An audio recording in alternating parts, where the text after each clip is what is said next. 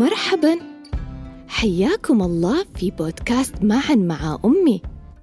قصتنا اليوم عجيبة غريبة فيها معان جميلة ونشاط ممتع. قصتنا بطلها اسمه عجيب ولكن كيف يبدو شكل عجيب يا ترى؟ هل ساعدتموني في معرفة شكله؟ حسنا احضروا ورقة وقلم لأننا سنتخيل معا كيف يبدو شكل عجيب. لنرسمه خلال سماعنا للقصة.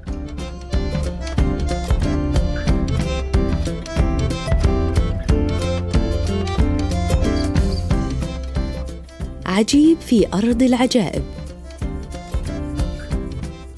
عجيب شكله غريب.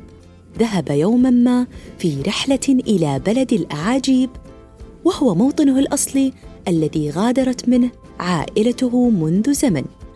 استقبله هناك قائد مركبة فضائي. سأله عجيب هي أيها الفضائي هل أنا من الفضائيين؟ قال له الفضائي إن ذلك مستحيل فشكل وجهك مختلف عنا.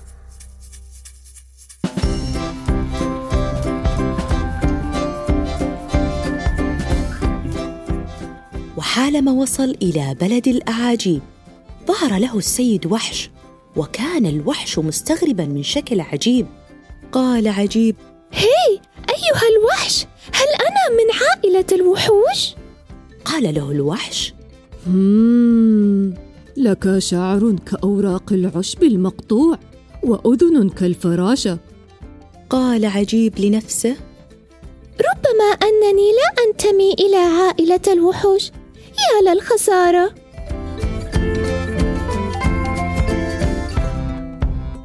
وبدأ يبحث ويبحث في بلد الأعاجيب عن عائلته وهو مستغرق في البحث وجد قزوم. ابتسم عجيب. هي أيها القزوم هل أنا من عائلة الأقزام؟ ولكن قزوم اختبأ خائفا وحاول أن يخبئ عينيه. صاح في عجيب.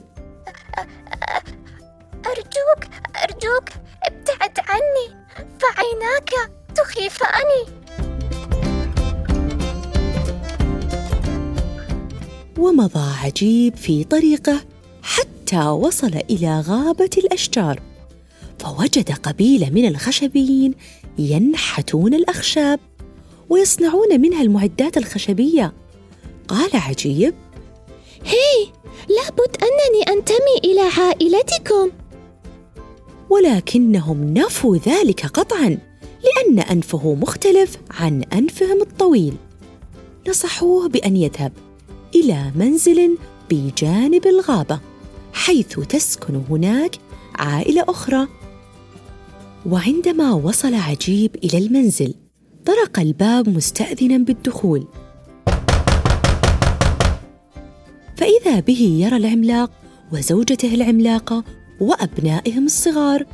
قال عجيب إنني أبحث عن عائلتي وأظن بأنني وجدتكم.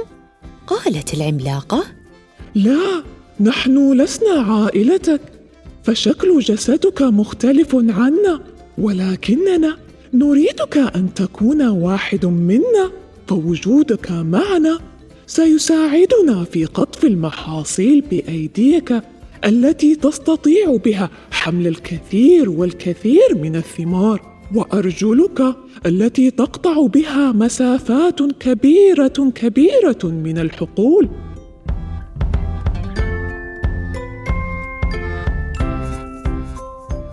فرح بذلك عجيب وراح ليستريح بجانب البحيرة اللامعة.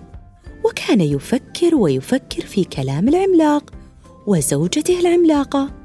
فمن المؤكد أنه فريد من نوعه مختلف لا يشبه الآخرين في صفاتهم.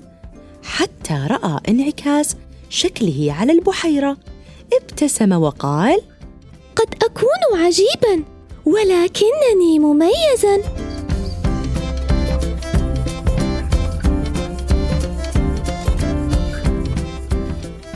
أخيرا بعد سماعنا للقصة بدا لكم شكل عجيب يا ترى.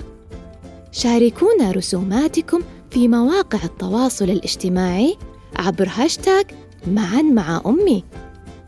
ولا ننسى ما أعتدنا على فعله. هل نسيتم؟